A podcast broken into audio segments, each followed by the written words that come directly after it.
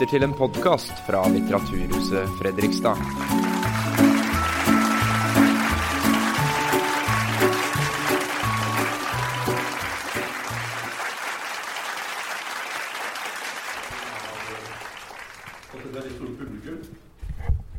som eh, kanskje ikke hadde venta på akkurat dette stoffet, men eh, det finnes sikkert en del gode grunner for det. Jeg pleier å fortelle om ei utrolig lang tilblivingshistorie. Disse bøkene begynte på da jeg var fem år, og det er veldig lenge siden. Det var i 1954. For da Jeg husker situasjonen at far som var lekepredikant i Indremisjonen reiste veldig mye her i landet, men veldig mye i Østfold bl.a. Han kom hjem en gang iblant vinteren igjennom. Da var han sliten. Han bodde alltid hos fremmede mennesker og satt i stua her om dagen. Sånn holdt han på i 40 år. Jeg fatter og begriper ikke at han holdt det ut. Det var et forferdelig liv. Spør du meg, jeg reiser mye sjøl og bor på fine hotell og får honorar og har det veldig greit. Men at han, at han klarte det, syns også det er slitsomt. Men iallfall så kom han hjem, da, og mor var hjemme alene med oss. Og vi hadde mormor og, nei, farmor og farfar i enden av huset, og de hjalp litt til med mor. Han hadde mange barn og fjøs og alt mulig. Men på søndagen, da, når det ikke var gudstjeneste i kirka der vi bodde, så spratt jo mor som alltid opp klokka seks om morgenen, ikke sant? for hun skulle jo rekke veldig mye i løpet av dagen. Da lå far litt frampå, som det heter. Han lå til sju eller åtte, han da. Og dette var jo min gylne time, for da kunne jeg krabbe opp i senga, så kunne han fortelle historier til meg. Og det likte han. Han var veldig god til å fortelle historier. Så pratet han om oldefar som hadde fire sønner, og som mista alle sammen på forskjellig vis. Den første dro da faren gifta seg på nytt. Den andre måtte de sende fra seg mot hans vilje da han var sju år gammel, så skulle ta over en gard etter en barnløs onkel. Det var min bestefar, Anton Edvard. Den tredje reiste fra foreldra, og de så han, det var Eirert. Han reiste til USA og senere til Canada. Kom aldri hjem så lenge foreldra levde. Da var han 16 år da han dro. Og den fjerde som til Bastian Georg, han rømte unna militæret, kom til København. Foreldra trodde han var død i to år, men så fikk han omsider gitt beskjed om at han var i live. Han kom heller ikke hjem igjen. Så dette syns jeg var en salig grusom historie, så jeg da pressa far til å fortelle gang etter gang. Men den var så grusom at det gjorde både vondt og godt på en gang. Og dermed så satte det seg på en måte fast i meg, da. Og så etter hvert så, så jeg jo en del synlige gjenstander. I trappeoppgangen så hang det et diplom. Knut Hansen Nesje fra Selskapet for Norges Vel for at han hadde dyrka opp 16 mål med hakk og spade i Rekneslia samtidig som han slo på Gjørvelgården i Molde i 40 år. Han måtte selge bruket i 1908. Nei, han kjøpte, fikk kjøpe det etter nesten 40 år i 1908, men måtte selge det igjen i 1910 for å ha noe å leve av i alderdommen. Dette var hans historie, og riss av hans historie. Da jeg var på teateret i Molde i min ungdom, da jeg var 22 år gammel, så sa jeg til Olav E. Johannessen, som liksom var en slags sjef der, da. det skulle være veldig kollektivt der, da, men eh, han nekta seg litt ut, at jeg har lyst til å skrive et stykke om en mann som hadde fire sønner, men som mista alle sammen. Sa Ola, er det familie, dette her? Ja. Nei, ikke gjør det. Du må ta for mange hensyn, vet du. Og det, sånn tenkte vi da. Nå tenker vi ikke så mye sånn lenger. Men jeg takker Ola B. Johansen for det, for at det var overhodet ikke ferdig til å bli utlevert, dette materialet her. Men eh, et eller annet sted på 80-tallet, nok mulig etter at jeg skrev en bok som heter 'Ave Eva', så prøvde jeg å skrive romanen om denne slåttekaren. da. Leverte inn på forlaget og fikk en veldig reservert reaksjon fra forlegger, redaktør Grue, da, som sa Ja, hva vil du med dette da, Edvard? Er det markens grøde på nytt du forsøker å skrive? Det, altså, Når en hører det tonefallet fra en forlagsredaktør, da er det bare én ting å gjøre, og det er bare å raske til seg manuset og løpe så fort som en kan. For da er det noe som skurrer. Så jeg vil gjerne takke forlagsredaktør Grue for at han var med denne gangen også. I frustrasjon så gikk jeg da i, felles, i Fellesbanken, som det heter da. Og Der satt det en dame som var veldig begeistra for den. Jeg vet ikke riktig grunnen, om det var forfatterskap eller om det var noe annet. Men ja. Så jeg kan jo låne med 600 000. Jeg vil dra til Amerika og amme med familien. Og bli borte et år. Hun så litt redd ut, men hun gjorde faktisk det. da. Så dro jeg og bodde i San Francisco et år. Og mens jeg var der, så ringer en mann fra Syd-Dakota og sier 'Hallo, Edvard Hoem'. Ja. Ja, du er i live, da. Siden du tar telefonen. Ja, så er jeg bare 41 år gammel, så det er vel ikke så merkelig, det, da. Jo, du skjønner at det så navnet ditt på en gravstein her oppe i Sisse Men det må være en annen Edvard Joel. Ja, ja, ok, takk. Ha det. Men da skjønte du at her kom den andre delen av fars historie, som stansa et eller annet sted rundt 1900. Da blir disse folka som vi visste hadde utvandra, vi visste navnet på dem. Og det var Gjertine først, og så var det broren hennes Ola som måtte reise til Amerika fordi han var for snill. og utvida huset sånn at en yngre bror kunne bo der, med det resultatet at han ikke klarte å betale lånet sitt i hypotekbanken og måtte reise til Amerika 43 år gammel med fire barn. Det femte i magen på kona. Den endeløse veien fra Fræna, der vi bodde, til Bu ute i Romsdalskysten. Fra Bu til Ålesund, og fra Ålesund til Høll. Fra Høll med jernbane til Liverpool, og fra Liverpool til London, Derry og til Halifax, og så opp til Montreal. Og så fra Montreal og via Toronto til Quebec, og fra Quebec til Minneapolis. Det er altså den lange reisa til Amerika. Det er så langt at det er bare helt ubegripelig langt. Var det da, iallfall. Er det fortsatt, vil jeg si. Og opp fra Minneapolis med toget til Sauk Center og til Browns Valley, og så fra Browns Valley med oksevogn inn på prærien ved Sisseton og Roslyn i County og som det heter oppi der. Jeg skjønte at nå måtte dette være disse menneskene som bare, historien var bare klippet av. At jeg kanskje kunne finne resten. Så jeg ringte til far, som på dette tidspunktet var blitt gammel og deprimert. Han døde samme året, i desember. Så da jeg sa at jeg skulle reise opp til Sisseton og se på en gravstein der navnet mitt sto, så sa han på sitt karakteristiske vis Kom hjem og var sammen med de levende og leide ikke etter de døde. Jeg synes det var veldig, høres litt bibelsk ut, men det var jo ikke Bibelen. Det var han som sa det. da. Så sa jeg nei, nå skal jeg opp der, og du skal bli med, du òg. Det falt meg nærmest sånn inn i farten. Det ville han, da. Så jeg måtte ringe min forlegger Geir Berdal. Det var før internettet, dette her, da som uh, satt i Oslo der du må bestille billett til far så han kan komme til Minneapolis og skal bli med på til å se på noe greier. Så gjorde han det, da. Idet han sa ja, ja. Min far forsvant da jeg var elleve år gammel, så nå må jeg ta vare på Edvards far når han er blitt gammel. Sånn er livet, sa han da. Så gjorde han det, så kom far til jævlig, så jeg skulle plukke ham opp med bil og komme for seint til flyplassen.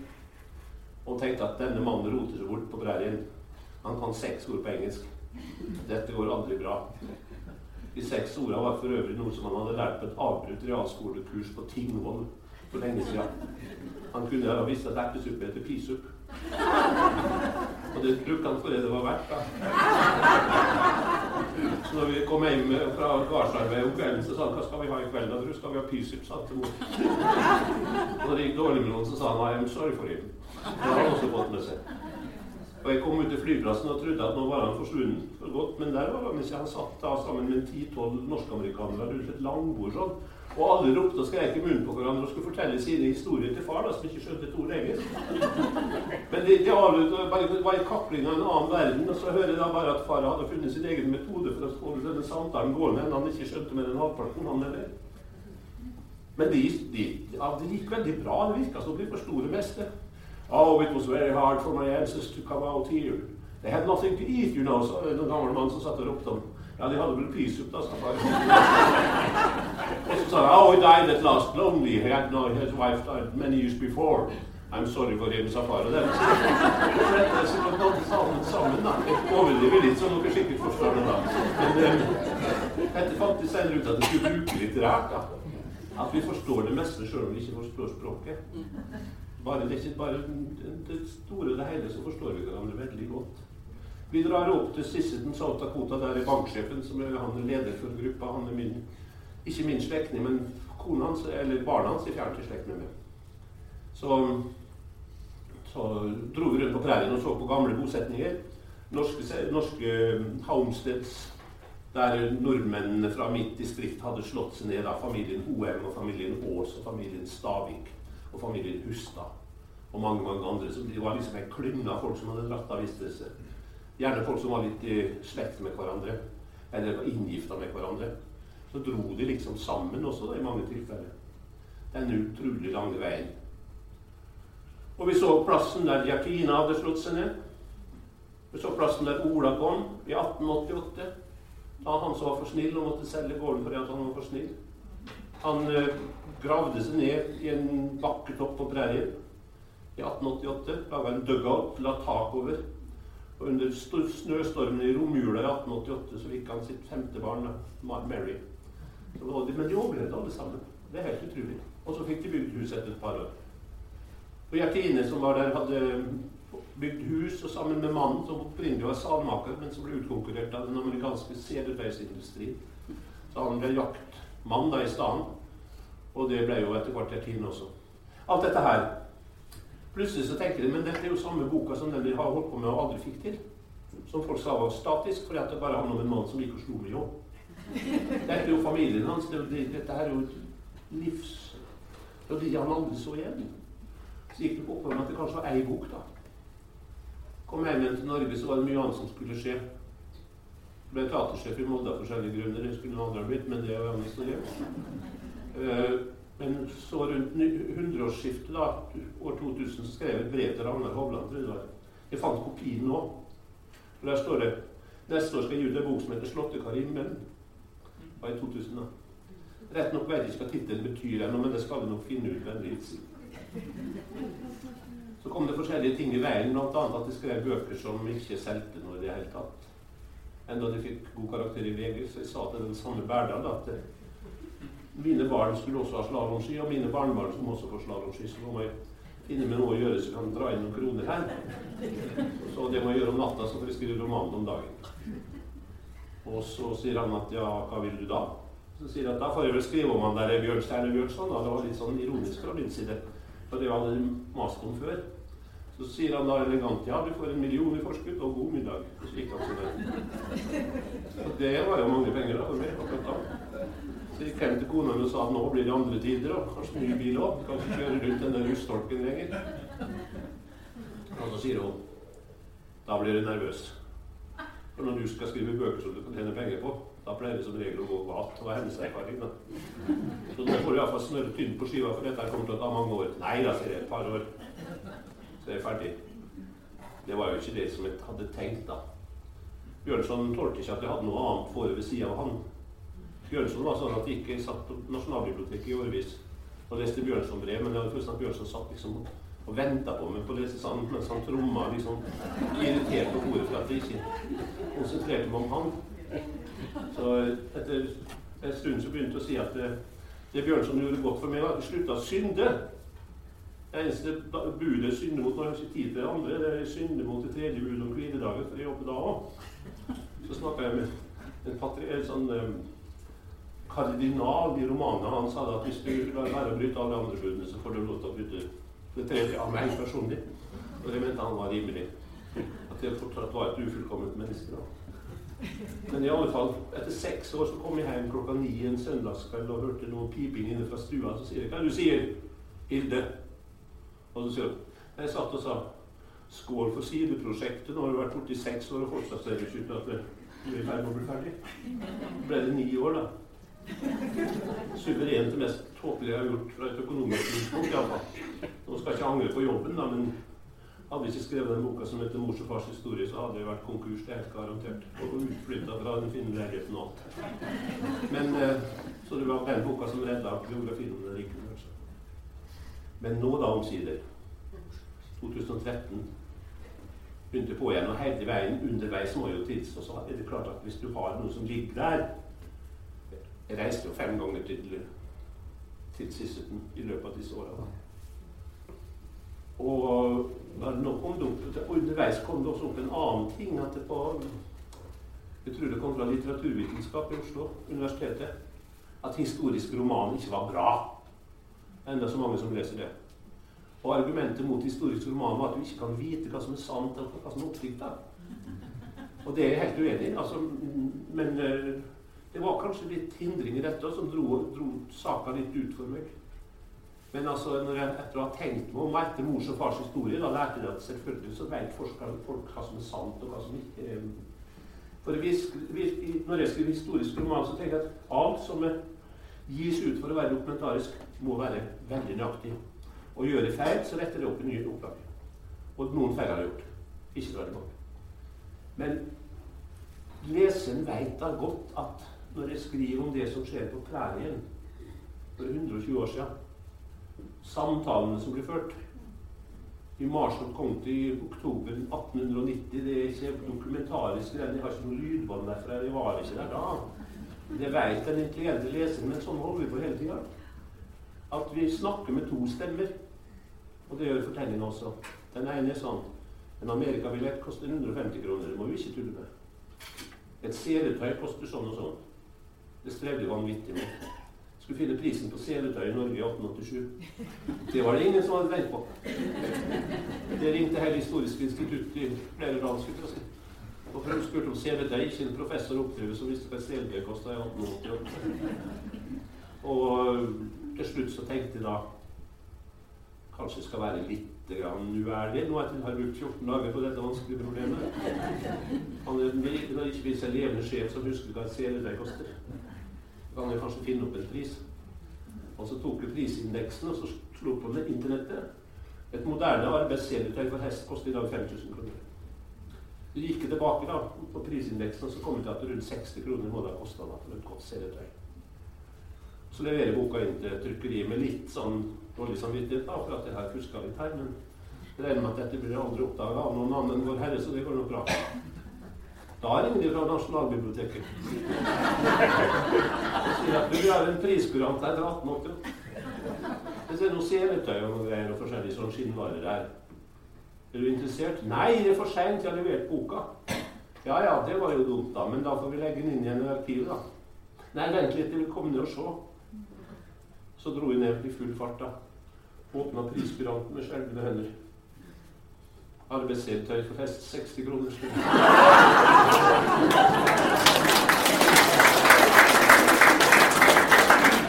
Og så pleier du nå å si at la oss merke til at det er dobbeltseletøy med dumgøller på.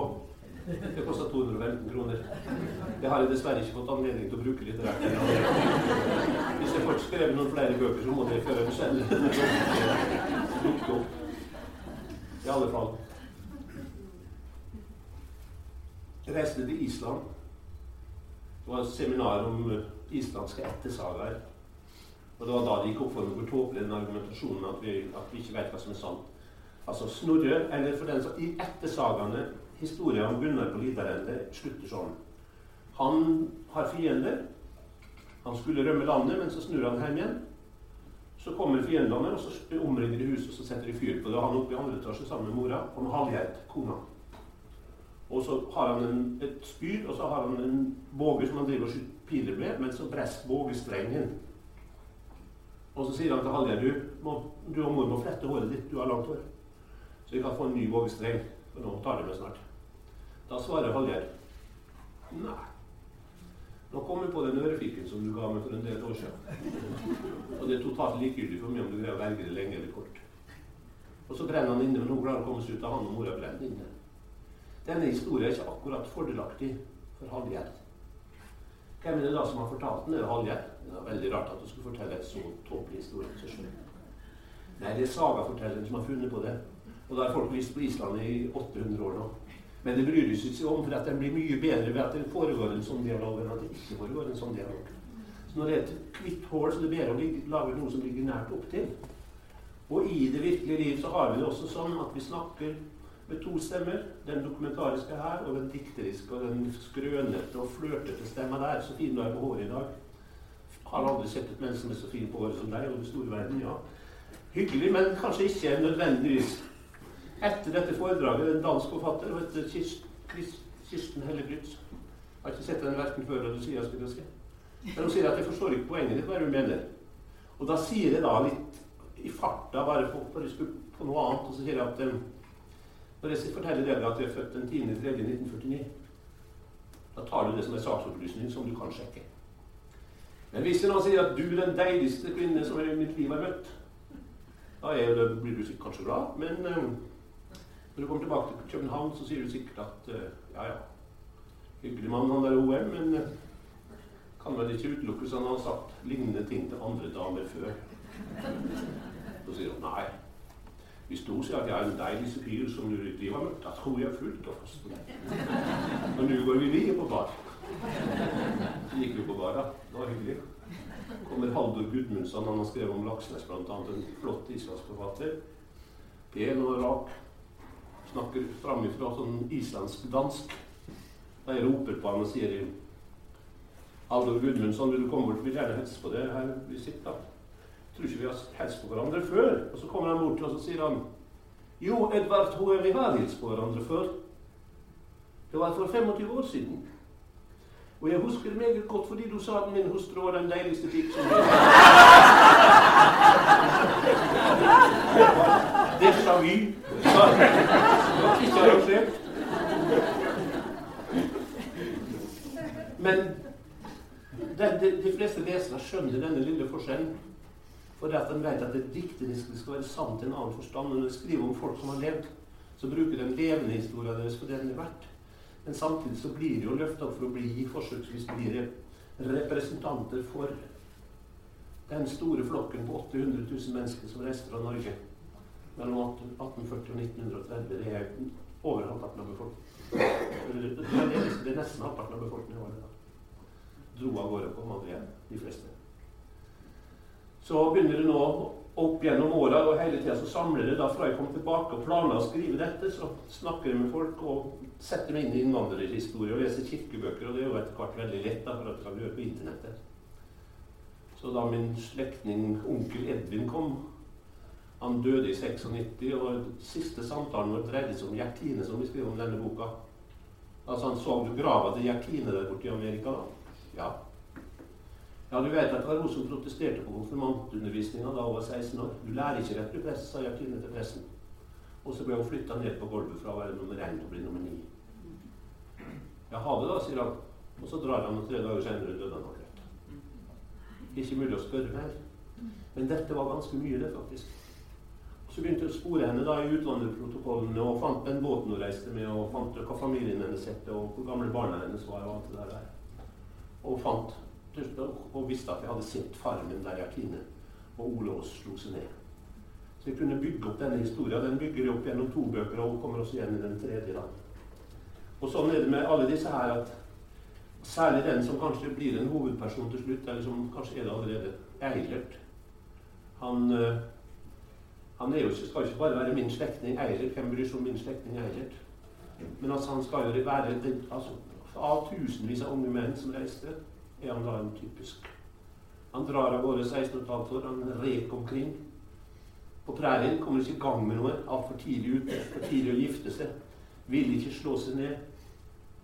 Har ikke rast eller ro før han da, langt om lenge, i Minneapolis bestemmer seg for at han skal dra inn på Alberta-prærien. Og det gjør han og tar jord der i 1905. Grunnen til at Eilert ikke får slått seg ned, på mange ting. Han var for ung til å få fast jobb, kanskje, eller mange ting. Men han, det viktigste var at han ikke at han satt i et dilemma.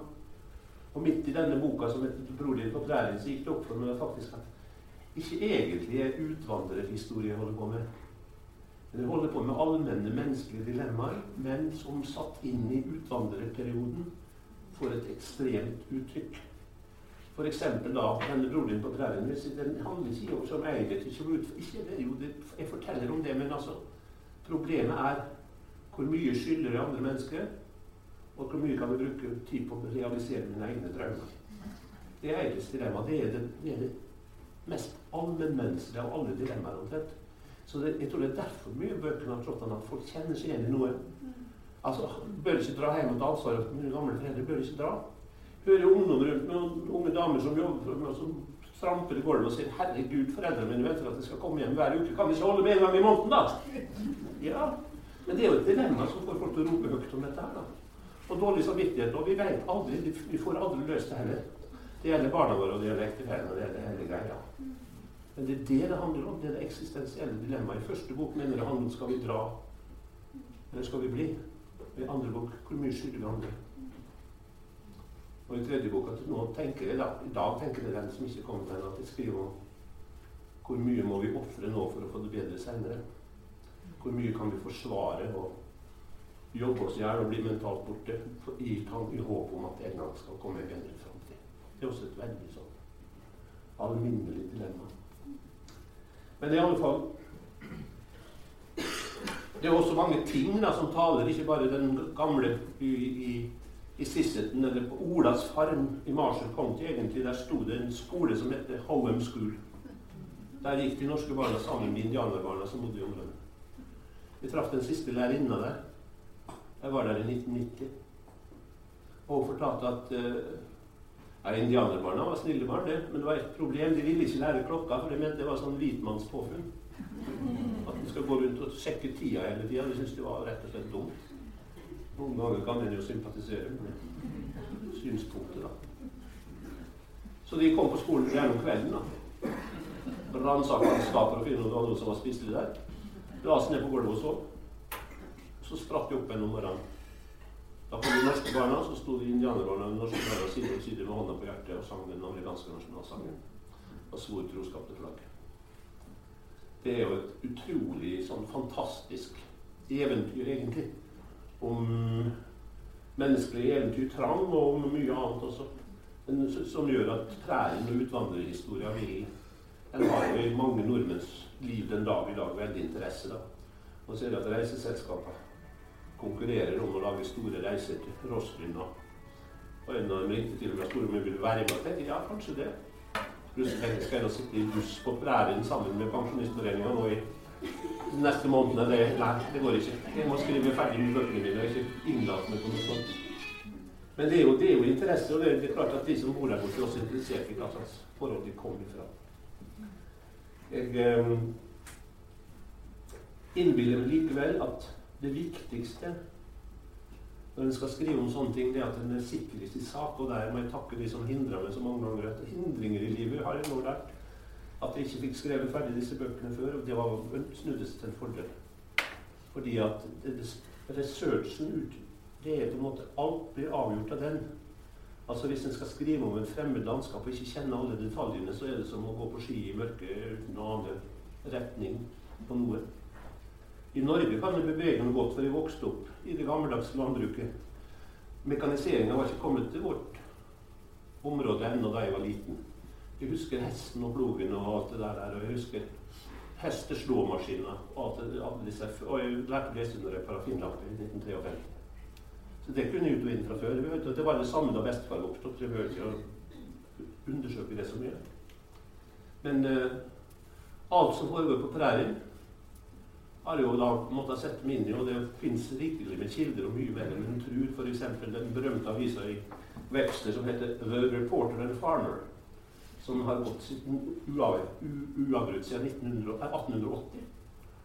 Den, men den var ikke fått digitalt. Nå håper jeg at vi får den. da, men da da vi sitter i solvarmen nede i kjelleren i Webster og fotografert av da tre-fire mennesker, avissiden, så har vi printa ut og gått til Norge, så jeg har liksom flere hyllemeter med avissider som jeg har gått gjennom. Men der står jo alt sammen. da. Der står det hva de het og hva de dreiv med. Og var det noen som dro til byen en dag, så står det òg. Sånne lokale sladrespalter, særlig i Canada, det er vanvittig mye av det der. Slik at jeg kan følge min slektning Eirik på hans reise fram og tilbake til Camrose f.eks. For det står alltid i avisa. Donald over. Mr. Knutson made a trip to Camrose today with his two daughters. Sophia and Eileen. Ja. Og der står det fattig til og så kom assistenten min kom nå i går og sa du, nå har jeg funnet ut når Eirik dro tilbake til Norge første gang. Så er det her jeg lurt på. Jo, det står i Carols Canadian. Han reiste den 25. april 1927 på vei til å finne seg en ny kone i Norge. Ei norsk ei. Han fant ingen. Men han dro på alle de kristelige stevner som var. Han reiste tilbake, og det står i, det står i skipslistene fra Göteborg. Han reiste tilbake fra Göteborg den 27. juli 1927. Så det, vi må bare være klar over at det er mye mer spor etter oss enn vi tror. Sjøl om vi ikke hadde mer enn noen ganske få brev fra disse folka. Det har um, naturligvis blitt en mye lengre reise enn jeg hadde forestilt meg da jeg begynte. Men det er um, veldig tilfredsstillende å holde på med noe som jeg føler at jeg på en måte var forplikta til å fortelle. At det var ikke noe, det ikke noe prosjekt som jeg har valgt, men at det på en måte var et stoff som jeg hadde tilgang til, som ingen andre hadde tilgang til. Iallfall på den samme måten som jeg hadde. At det da, ville vært håpløst om jeg ikke hadde prøvd å få det ned på papiret. Om det da lykkes videre, er jo ikke godt å si vi skal bort igjen nå, da. Enda det brenner noe fantastisk på Alberta-prærien, så det spørs hvordan det er å gjøre research der akkurat nå. Og om vi finner fram i røyken det, det tror det kan bli mye verre. Det er jo kull og olje under. Så hvis det der tar fyr, så orker jeg ikke tenke på hvordan det er. Men det, kanskje klarer å stoppe det fordi vi er så langt. da. Men dit reiser da Eilert. Og i broren din på prærien så har han på en måte kommet godt i gang med livsprosjektet sitt. Han, han satt altså i Minneapolis da i 1901 eller 2, eller da var det en gigantisk aviskampanje fra den canadiske regjering som da prøvde å få immigranter inn på Alberta-prærien. De sa at her er det plass til 50 millioner mennesker til. Og det var svære to meter høye plakater med damer med cowboyhatt som rei i solnedgangen mens de vifta og sa 'velkommen, velkommen'. Og så var det da sånne Canadas ridende politi som rir over jordbærprærien. Det er så mye jordbær at hesteføttene er røde opp til knehasene. Dette var malt i gilde farger, og dette satt Eilert og så på. Plutselig så får han fortsatt til Guds vilje at han skal dra inn på Alberta-prærien. Det har vi brev på at han mente. De første årene i Amerika, de tolv første årene i Amerika var bortkastet. Jeg kunne like godt fortsatt som, som uh, bakerlærling hos Ole Skistad i Molde. Men så viste Gud meg sitt Kanan, og det heter Canada. Og så dro han dit, da. Overbevist om at det var Gud som styrte folket. Og så legger han opp et program. Og det er ganske interessant med disse menneskene at de hadde et veldig program som på en måte gikk utover mange, utover det å brødfø seg. De skulle Eiere skulle ta jord, få tak i ei kone, få barn, bygge hus, bygge låve, skaffe jordbruksredskaper, så kveite, høste, få tak i penger, bygge vei, bygge skole, bygge kirke. Alt dette er han med på.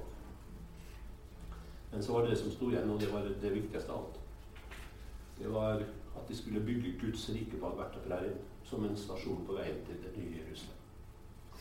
Og vi som lever nå, vi forstår ikke hvor innvevd dette var i livet deres.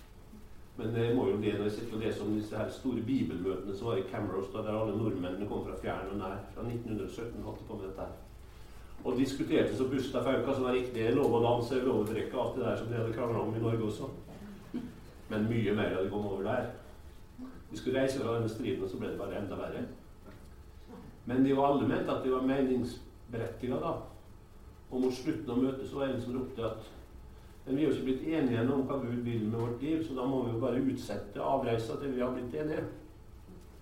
Så, ja, kyrne, er noe som, Hvem som hjelper kyrne? Noen som roper roper mannen tilbake at Ja, det får Vår Herre ta seg av, vi har viktigere ting for det. og da gjorde Vår Herre det på sitt snedige vis. Det klarte klart at naboene så at disse gærningene kom ikke tilbake. da. Så gikk det jo selvfølgelig og mjølka kyrne så de ikke skulle bli ødelagt. Så Gud ordna det på mange svarte måter også den gangen. Og så diskuterte de, de var ferdige, og så dro de hjem. Og dette var hovedprosjektet. Det hos mange, ikke hos alle. Men uh, det var en veldig, det veldig, de lever innenfor en veldig mange innenfor en veldig sterk og egentlig helt bokstavelig alt. Og så er det med denne metoden her, da. Jeg lurer på hva Gud vil sitte med i dag. Ja. Ja, fred gir jeg deg. Mhm. Det var det jeg tenkte nå. Tusen takk, Gud. Sånn er det. Leste, slo på bordet og fant alt det han skulle ha. Jeg traff han da han kom tilbake for oss siste gang i 1956. Vi gapte over Eilert. Jeg hadde aldri sett noe lignende. Han var nesten to meter høy og veide garantert 120 kg. Han var litt sånn Helmut Kohl-aktig fyr. Som da gikk opp og ned trappene i barndomshjemmet min og sang sin barndomssalmer så det bare ljoma over hele området. Og mor sa jeg tror han sprenger vinduene med en sang. Og så har han alltid veldig spilt det norsk-amerikaner til fullkomment. Så han en liten gutt, så sa han 'Oi, ja, du er visst en kjekk kar. Her har du ti kroner'. Og vi hadde jo aldri sett så mange penger før. omtrent. Vi tror du kjøpte fotoapparat eller noe sånt for disse pengene. Jeg var sju år gammel da. Og så dro han tilbake, og vi trodde at Eilert det var den største riking i verden. Nå avdekker jeg at det var ikke sånn det var, altså. Det kom noen år som var helt forferdelige på Canada-prærien. Arbeidsledighet, sosial krise, tørke, gresshopper. Det var Gamle testamentet en gang til. altså Alle landeplagene kom. Og Eilert holdt på mange ganger å gå fra gard og grunn. Og jeg har funnet 300 brev i kanadisk arkiv fra Eilert til myndighetene der han ber om bedre vilkår på leiejord som han har. Så, men en skulle ikke se tilbake. En skal bare se framover. Nå har han kommet akkurat så langt at han kunne legge alt dette bak seg. Han hadde forlatt farmen sin og blitt pensjonist i Calgary. Og veldig fornøyd med at han fikk tilbringe sine siste år i byen og ikke ute på prærien. Men det var jo der han hadde vært da, mesteparten av livet.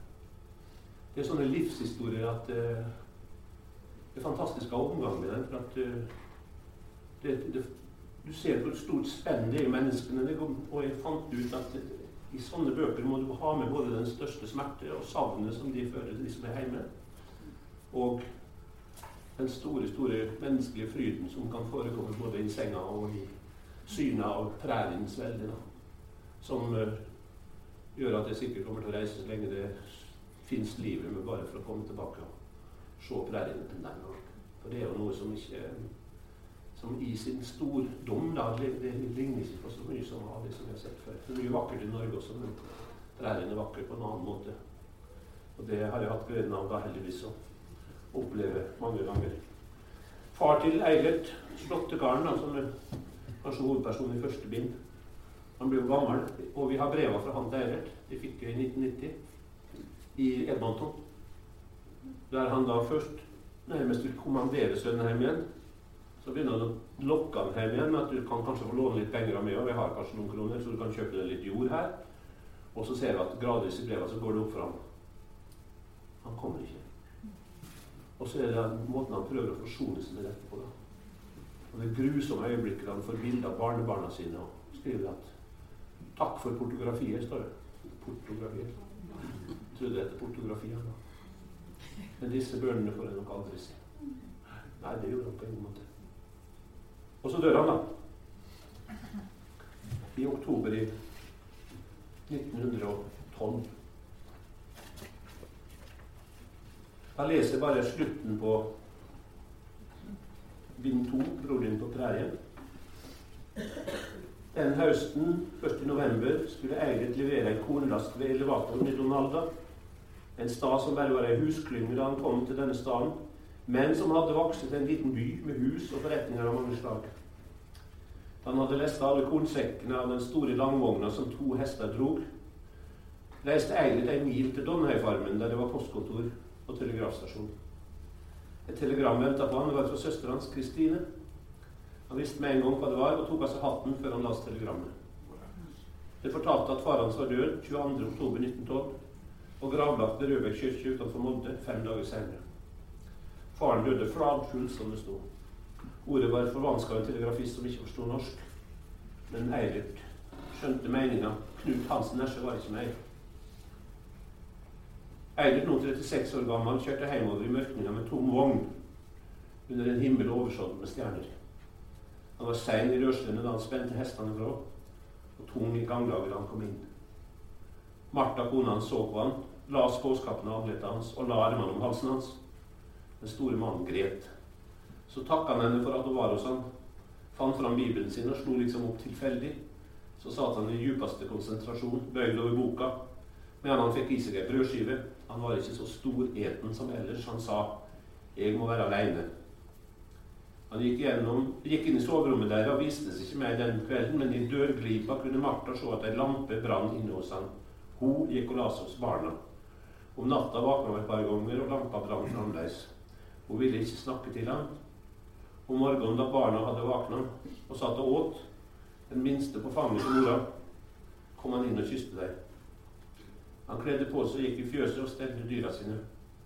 To timer senere kom han inn igjen. Han var bleik og skjelven. Han sa i natt har jeg tenkt gjennom alt sammen som er hendt siden jeg sa farvel til faren min for 19 år siden. Gå og hvil deg, sa Martha, og denne gangen sa han henne ikke imot. Han gikk på soverommet, kledde av seg og la seg i senga og sov til det igjen var blitt mørkt på prærien. At han sov bort en dag, hadde ikke hendt før. Men han åt kveldsmat som vanlig før han gikk i fjøset. Den kvelden gikk han til seg sammen med kona si og sovna sammen med henne. Siden snakka han forunderlig lite om hva som hadde hendt den første tida i Amerika. Og i brevene han etterlot er det bare noe sprelleglimt. Et titalls brev fra faren til Eilert er den eneste nøkkelen vi har. Alt annet har han som skriver dette, vært nødt til å dikte fram. Datoer og navn er dokumentariske. Minner som ruller fram for han i vakenatta, da han sørgde over far sin, må vi kalle fram fra det mørket som ligger rundt vårt liv, der vi skimter hverandre, fordi vi er av samme slag og går mot samme mål. Jeg dikter det, men jeg veit det. Eilert hadde vært sju år på Albertaprærien og var kommet nesten halvveis på sin livsreise da han så seg tilbake for første gang. Så Fortellinga om denne mannen fortsetter til han dør på min tiårsdag, faktisk den 10. mars 1959. døde Eilert Knutson. Og dit har jeg tenkt å komme da, før jeg gir meg. Om jeg har helt det med meg.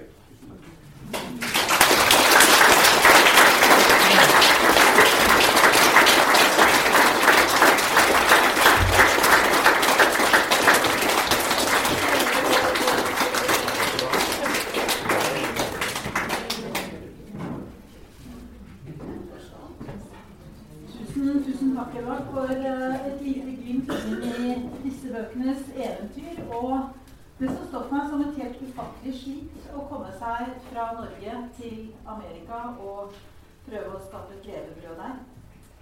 Eh, Vi gleder oss til de to neste bøkene.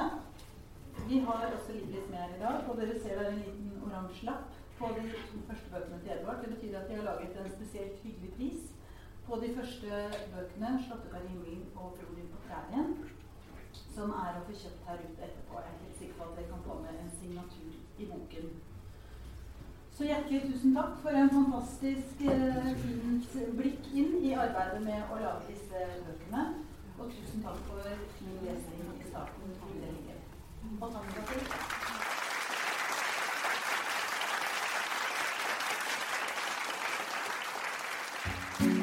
Nå har du hørt en podkast fra Litteraturhuset Fredrikstad. For mer informasjon, klikk deg inn på litthusfred.no.